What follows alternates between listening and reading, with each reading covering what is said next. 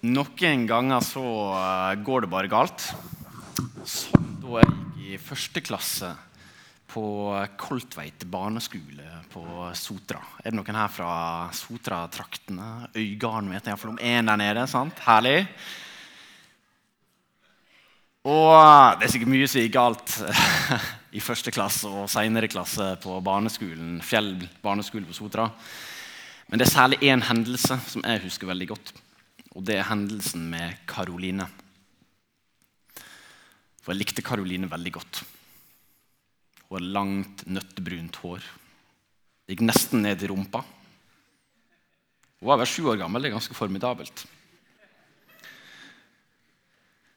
Hun var fra Sunnmøre. Hun, hun uh, eh, snakka rart, sånn som meg, med andre ord. Og uh, jeg likte Karoline. Og eh, Det kan godt være det var i eh, et forsøk på å prøve å få Karoline til å like meg. Eh, men jeg likte Karoline så godt at jeg gikk rundt og fortalte alle andre på skolen at Karoline likte meg også. Så var jeg der i den skinke situasjonen at nå trodde alle at Karoline likte meg, men det var egentlig jeg som likte Karoline.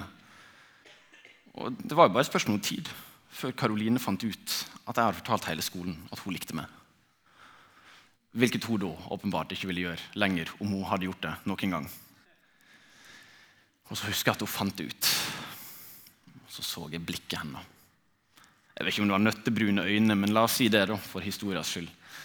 Jeg så de nøttebrune Bambi-øynene, og, og, jeg så bare vreden som kokte opp i henne. Så jeg løp og jeg løp og jeg løp helt til jeg kom ned til lekehuset. Og så satt jeg meg i underetasjen. Det var treetasjes lekehus. ganske avanserte greier.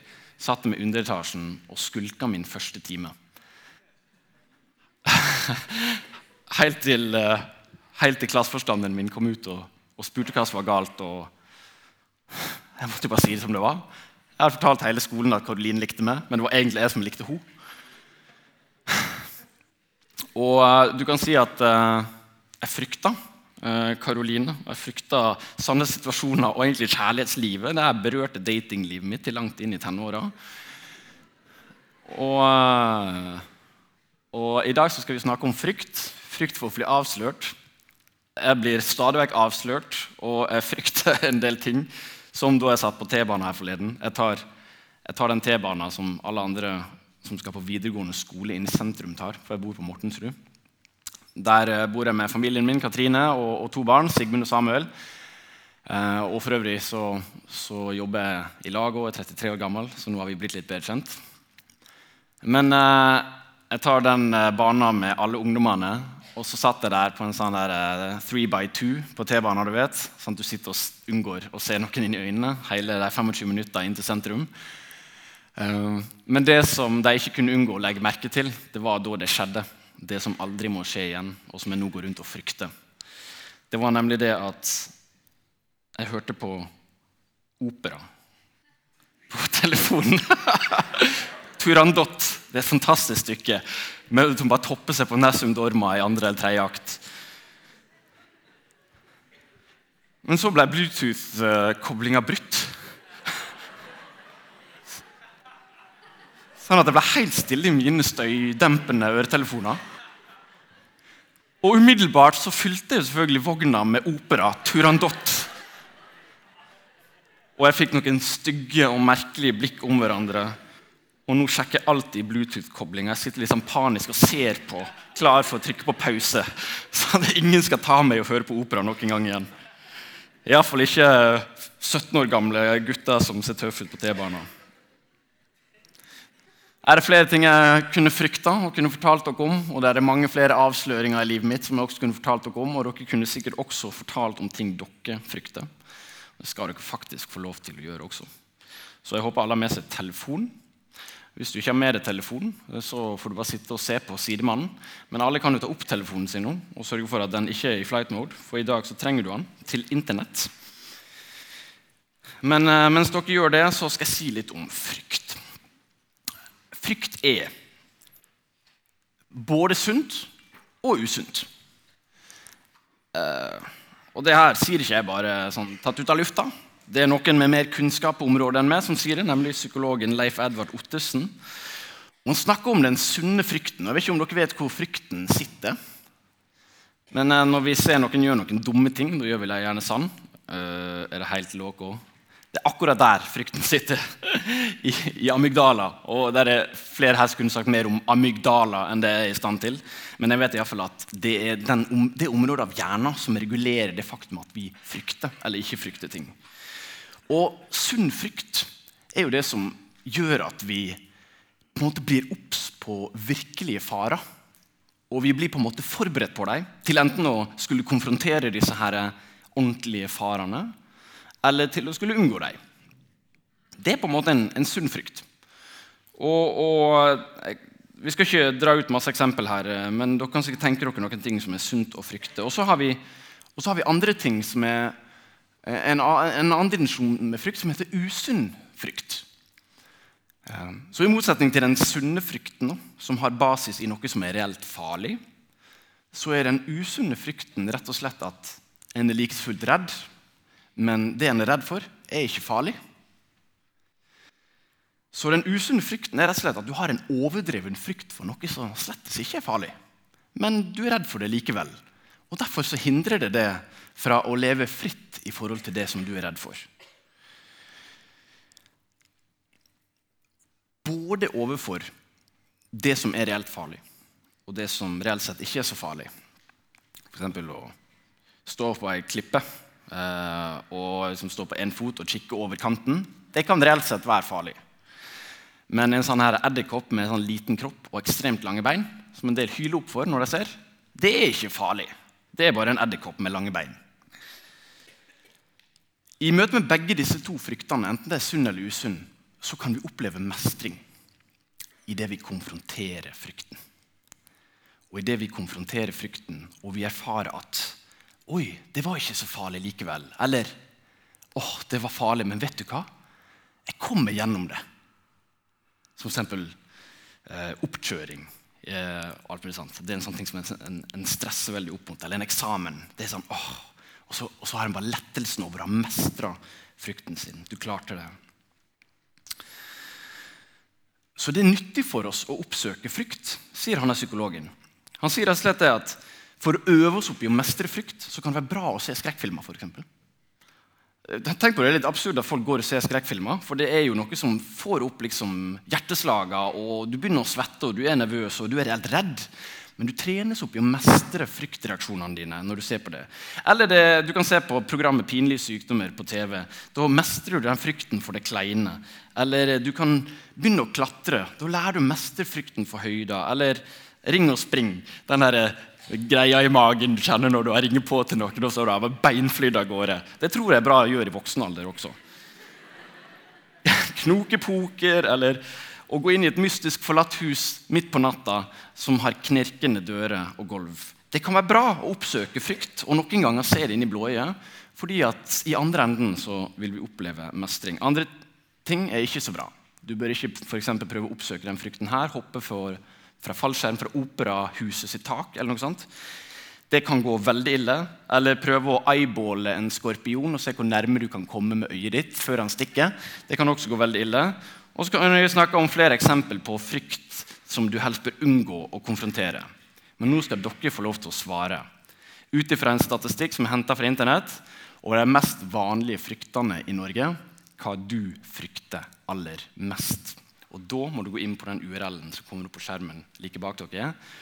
Og så har vi rett og slett nå et minutts eh, lounge music og poll-stemning her i Misjonssalen.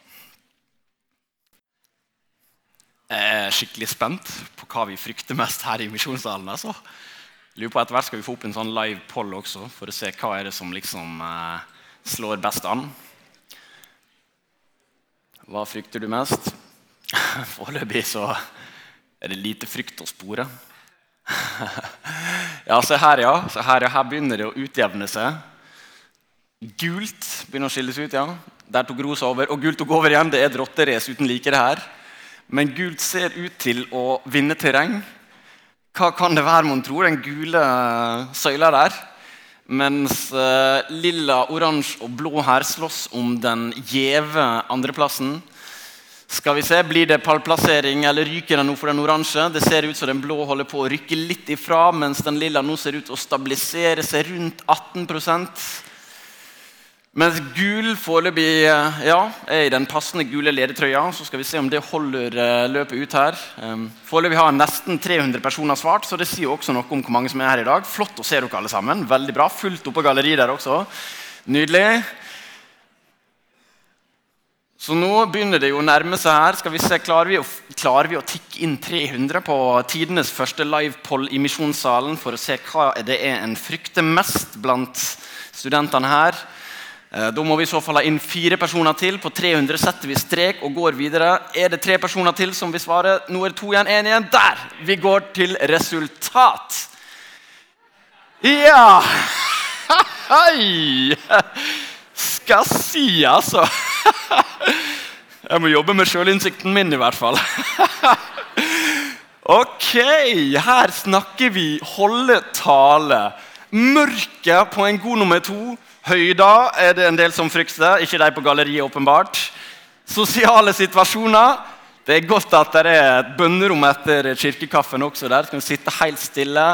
Tannlege. Er det noen tannlegestudenter her, eller tannleger?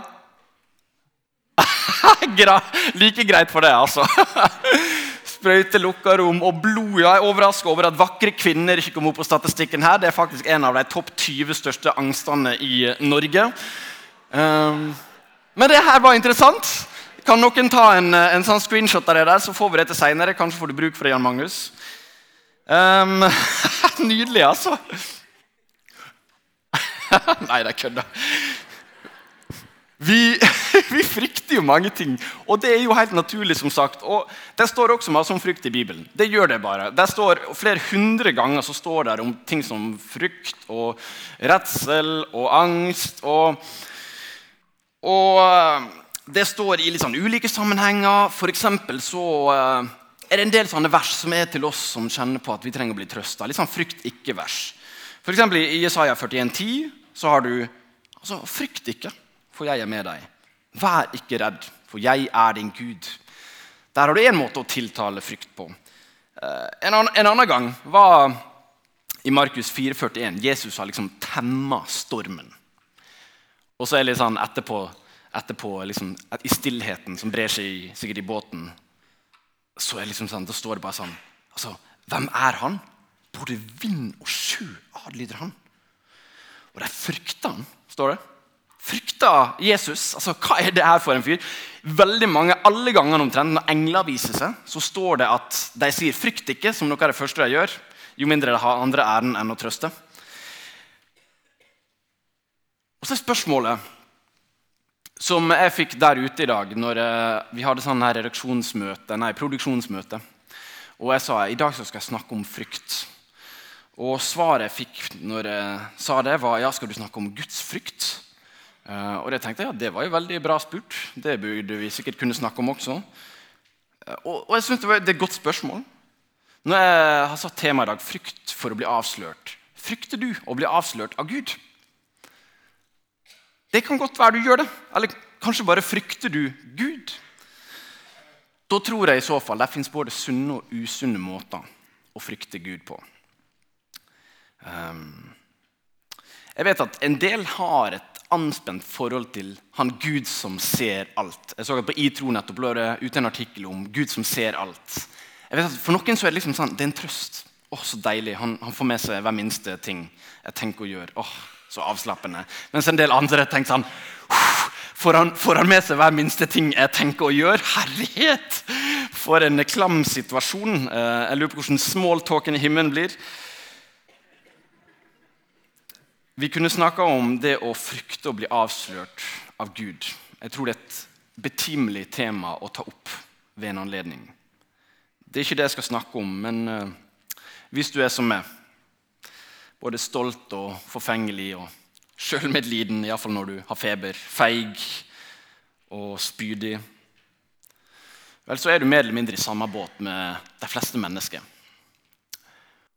Og Uansett hvor du er i forhold til Gud i dag, så vil jeg at du skal vite at den, den menneskelige tilstanden det er det utgangspunktet jeg nå beskriver. Vi, har en utrolig lei tendens til å bli veldig opptatt av oss sjøl. Og vet du hva? Det gjelder for oss alle. Og så står det likevel til alle oss, alle oss som har disse her trekka, som er direkte usjarmerende, men som likevel er menneskelige, så står det der om at Kristus døde for oss mens vi ennå var syndere, slik at vi skulle bli rettferdige. Så det er akkurat sånn som jeg beskrev nå, at Kristus møtte meg. Og det er akkurat sånn han ønsker å møte hver og en av dere. Og det er med det som utgangspunkt at han ønsker å gi deg et fantastisk rikt liv. Så ja, Gud har nok avslørt det, for å si det sånn. Men det er ikke så farlig. Han har avslørt alle andre også. Det vanskelige er å la han få snakke inn i det. Nå skal vi derimot snakke om noe annet. Frykt for å bli avslørt av mennesket. Og menneskefrykt det tror jeg alle her inne kjenner på daglig.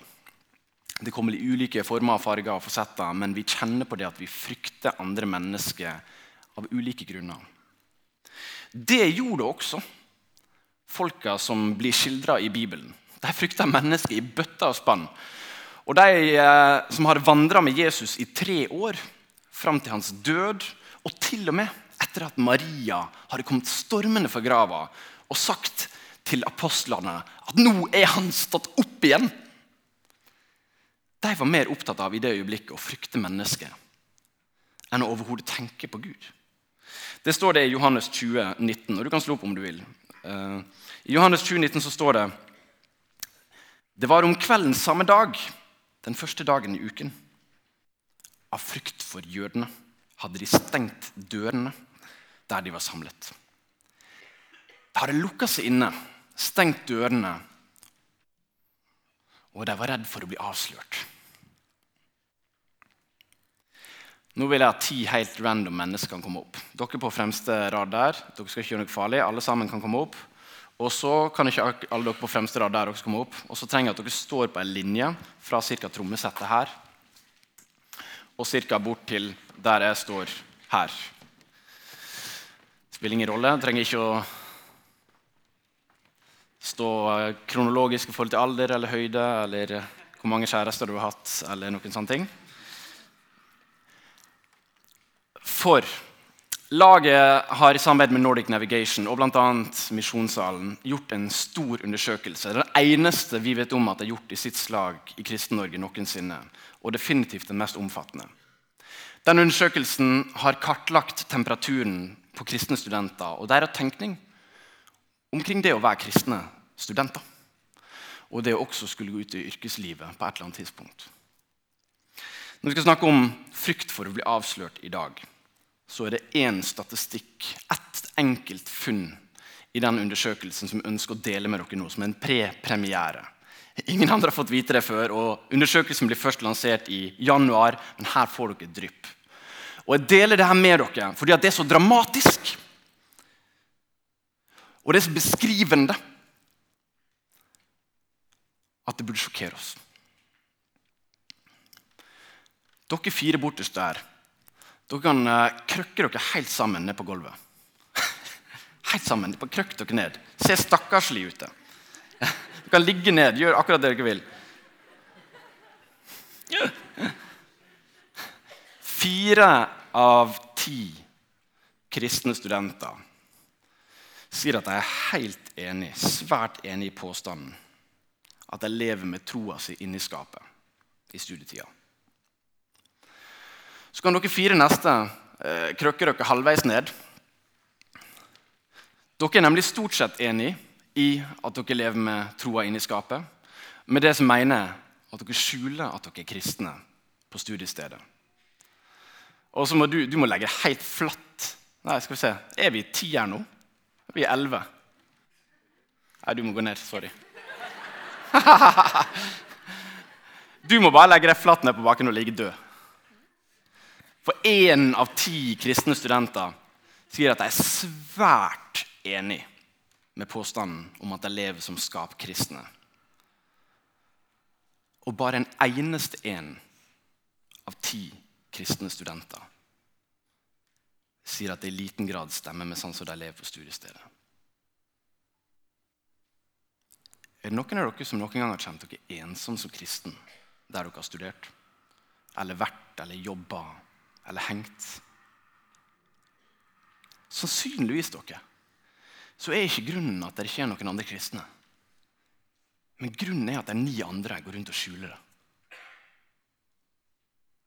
Ni av ti kristne studentene når jeg ble spurt, sa at vi lever med troa vår inni skapet. Vi lever som om Jesus ikke skal prege hverdagen vår. Dere kan gå ned. Takk skal dere ha for innsatsen. Ni av ti. Ni av ti. Jeg bare Prøv å banke det inn i hodet av dere. Og 200 personer her fra misjonssalen svarte på undersøkelsen. Så det er ikke sånn at det her gjelder noen andre sted. Det her er den menigheten som har tatt denne undersøkelsen mest på alvor av alle menighetene i hele Norge. Og, Jan Magnus er en av de jeg vet om som, som, er aller mest urolig for at det er sånn, og som har sagt at det her kan ikke vare. Og Dere kan være glad for at dere har et sånt lederskap som ønsker å ta det på alvor. For når ni av ti av dere her ute går rundt og gjemmer hvem dere tilhører, og hvem dere akkurat sang lovsang til med vanvittig store ord Og Det vi ofte synger i den lovsangen 'Jeg vil gi deg alt' til så vanvittig store ord og så vet vi nå at det stemmer bare simpelthen ikke. For de fleste av dere skjuler det. Vi kunne parafrasert hele det verset fra Johannes 20, kapittel 20, vers 19. Og så kunne vi skrevet om for vår sammenheng. Det var lunsjdagen etter, den første dagen i uken av frukt for medstudentene hadde de kristne pakket bort Bibelen, gjemt korset og satt Jesus på flight mode. De kunne knapt vente til å være online igjen neste søndag.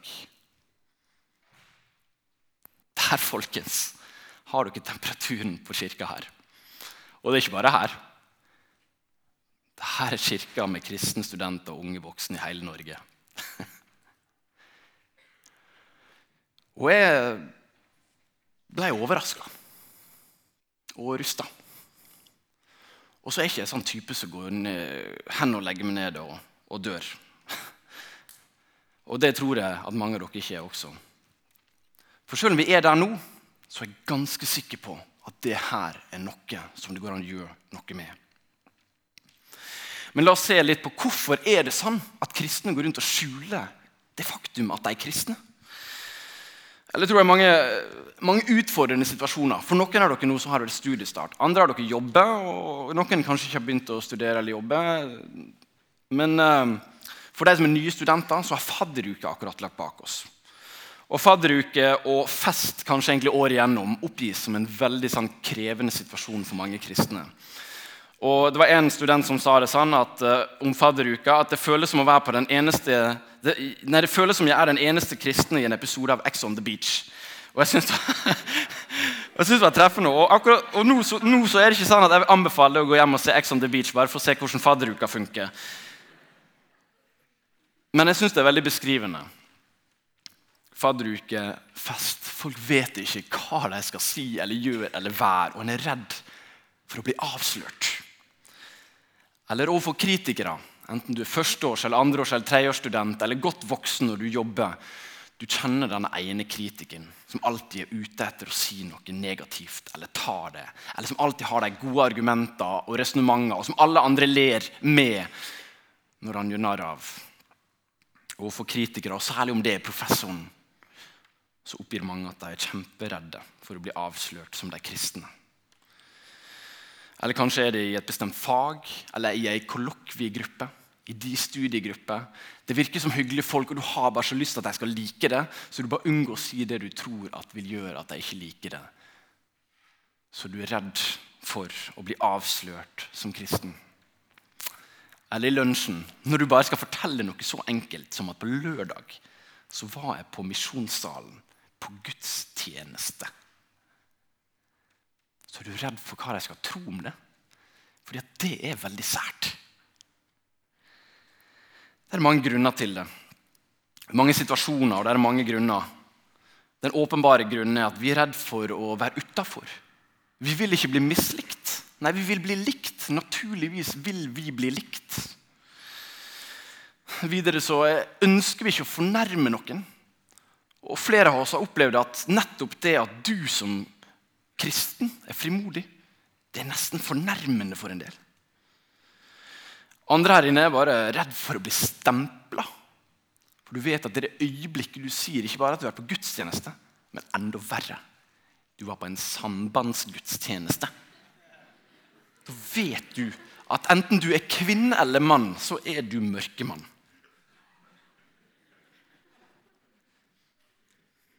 Du vet ikke hva du skal si. Kanskje det er det du er redd for. Du er livredd for å si noe feil eller bare ikke representere den kristne troa godt nok. Ikke liksom ha de rette doktrinene på plass. Særlig opplever det dere i møte med mange unge NLM-ere. Det er behov for å si det så riktig hele tida. Så forbaska riktig. Men vet du hva? Jeg vil høre flere av dere si noe feil. For da vet jeg at dere iallfall har prøvd. Når en skal gjøre alt riktig hele tida, så ender en opp med å ikke gjøre noen verdens ting. Det er den mest passifiserende holdninga i verden. Kanskje er det den situasjonen at du velger å gjemme det som kristen, som ni av ti her inne sannsynligvis gjør. Fordi du egentlig har begynt å tvile på det hele. Du vet ikke helt om du kan stå for det, eller Du har hørt så mange andre argument som ja, motsier det du egentlig har vokst opp med, så nå begynner du å tvile. Og så gjør du som så veldig mange andre gjør når de begynner å tvile. De trekker seg unna. Eller kanskje er du redd for å bli sett på som en dobbeltmoralsk person. Eller kanskje er du bare simpelthen lei av samtalen om hvorfor du drikker, eller eventuelt hvorfor du ikke drikker når du er på fest. Fordi den har du hatt så mange ganger før. Dypest sett, dere, det kan være mange grunner her, og det kan være mange situasjoner som vi frykter.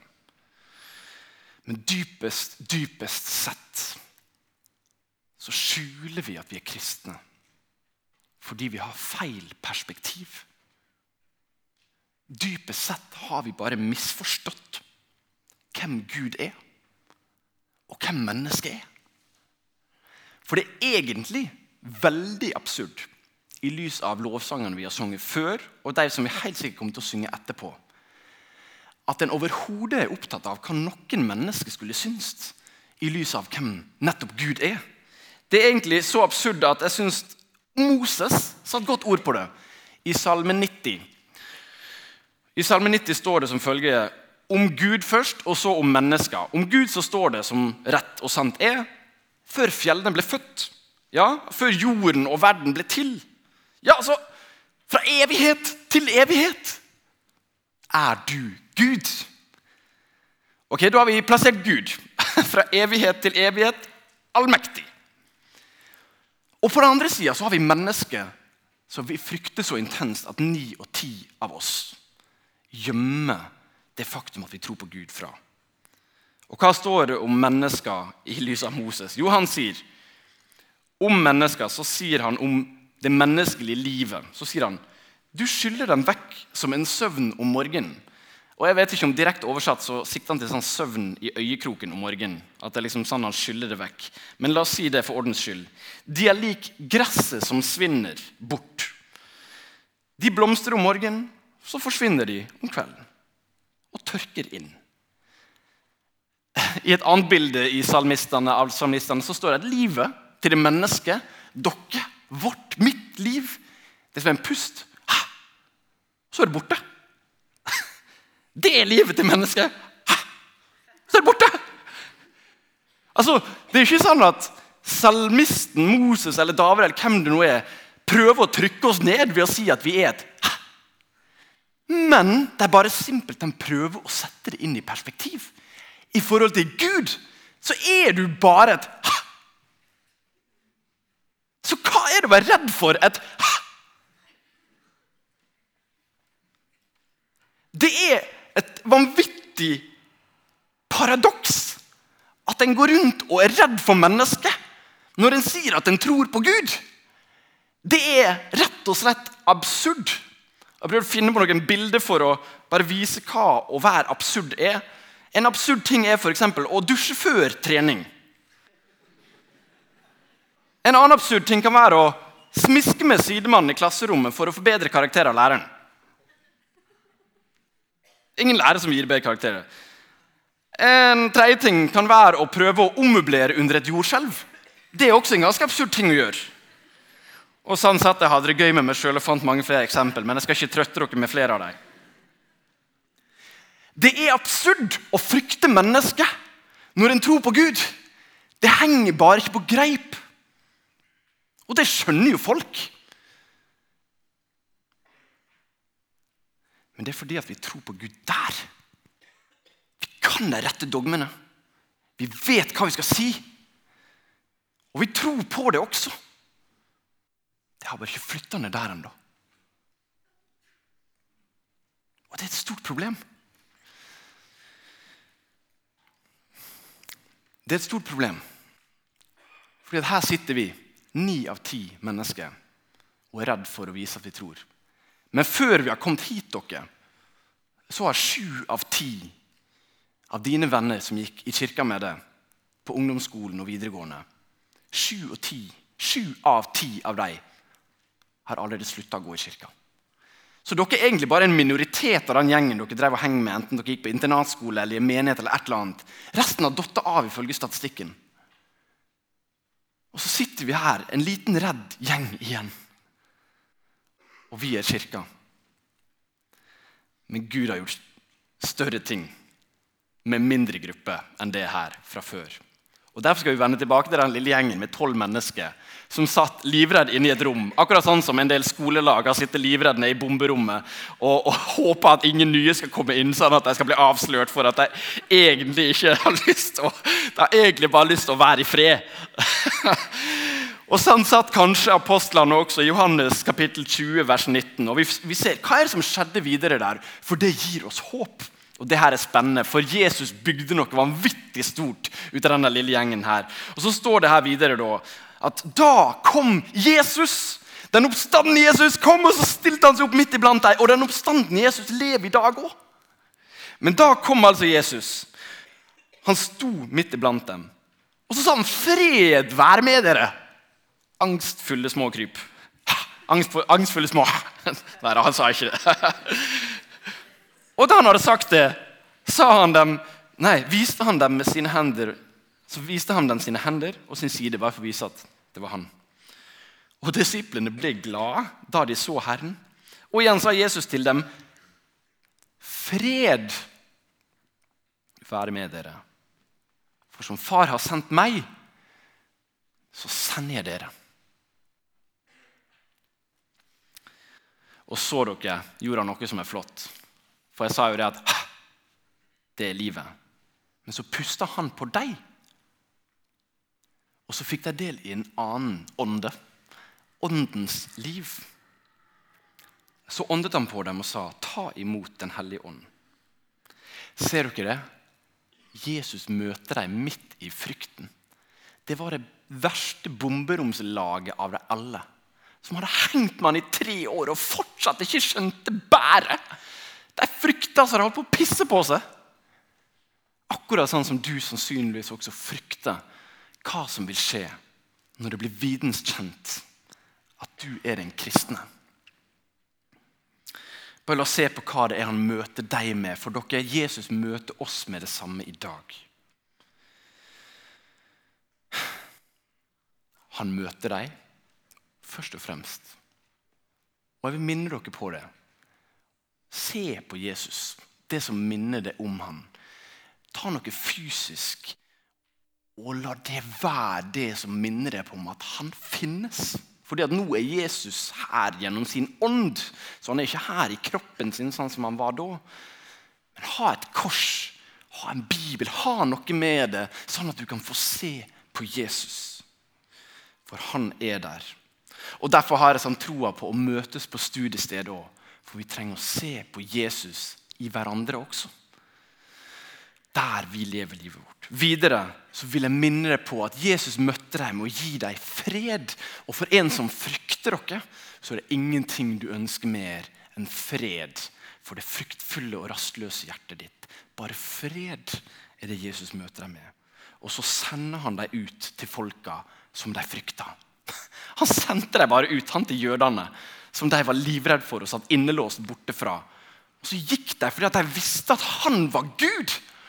Og at fordi de nå hadde Hans ånd, så var det ingenting å være redd for lenger. Disse menneskene som kunne skade dem og tenke ondt om dem og støte dem ut. Men han elska dem like høyt. Så Derfor måtte de også gå ut til disse, sånn at de kunne få del i det. Og så ga han dem kraft. Du som sitter her motløs som ni av ti og skjuler at du er kristen. Du har mye, mye, mye ufattelig mye mer kraft enn det du tror.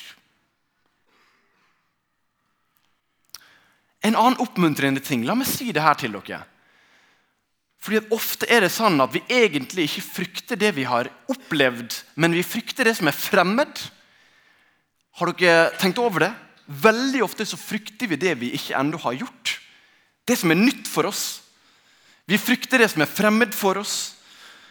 Og vi frykter de folka som vi ikke kjenner.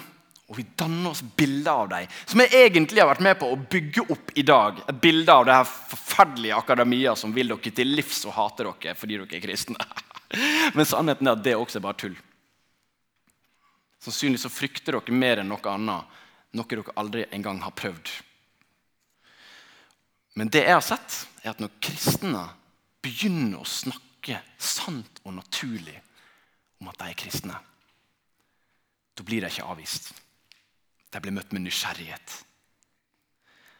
Det var En som sa det til meg, i de fleste sammenhenger opplever jeg at folk er genuint interesserte når de hører at jeg er kristen. En annen sa det. Altså, Jeg har opplevd at folk er mer åpne for å snakke om tro enn hva jeg kanskje tenkte. Og en annen sa det etter å ha gått rundt med spørreundersøkelser på studiestedet der det var sånne spørsmål som leda til til syvende og sist tror du på Gud. Og så sa vedkommende bare det. Wow! Jeg ble ikke avvist en eneste gang. Folk vil snakke om det. Og enda mer når det kommer til gjerningene dine. Folk vil bli berørt av godhet.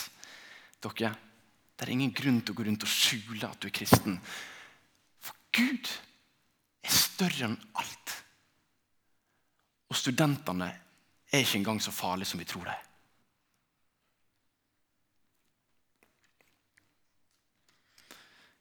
Paulus skriver, for jeg skammer meg ikke over evangeliet. Det er Guds kraft til frelse for hver den som tror. Nå skal vi ha en ny poll. Dere kan ta opp en telefonen deres. Og Den gangen her er det litt mer seriøst. For jeg ønsker ikke at i dag skal bli nok en kveld der en opplevde noe fint, en hadde et kjekt fellesskap, men så kommer vi til mandag, og så betydde det ingenting. Jeg ønsker at du som sitter her i dag, ikke skal sitte etter den talen her eller det møtet her og tenke ja, hvor god var talen i dag? Skal vi kaste terningen? Jeg vil at du skal tenke på deg sjøl. I dag vil jeg at du skal tenke på deg sjøl. Verken den som sitter til høyre eller venstre side for deg, men tenk på deg sjøl. Og jeg vet ikke engang om du som sitter her er kristen. og det Er greit, er du ikke kristen og sitter her i dag, så har du iallfall fått innblikk i den verden som jeg snakker inn i. Men er du kristen her og sitter her i dag, så står du overfor et valg. Om du vil fortsette å være en av disse ni av ti, eller om du ønsker sammen være med å skape en bevegelse. En bevegelse som kan berøre den byen her og ditt studiested på en måte som du aldri hadde turt å tenke at var mulig. Så nå gir dere et halvt minutt igjen til å svare. Og vi kan få opp resultater på den. Nydelig. Nydelig. Jeg er veldig glad for å se dere. Her sitter vi, en flott menighet, høyt elska av Gud. Men vet du hva? Det er ikke en eneste en av de 70 eller 80 000 studentene i Oslo som ikke også er vanvittig høyt elska av Gud, men fortapt uten Kristus. Og de trenger dere.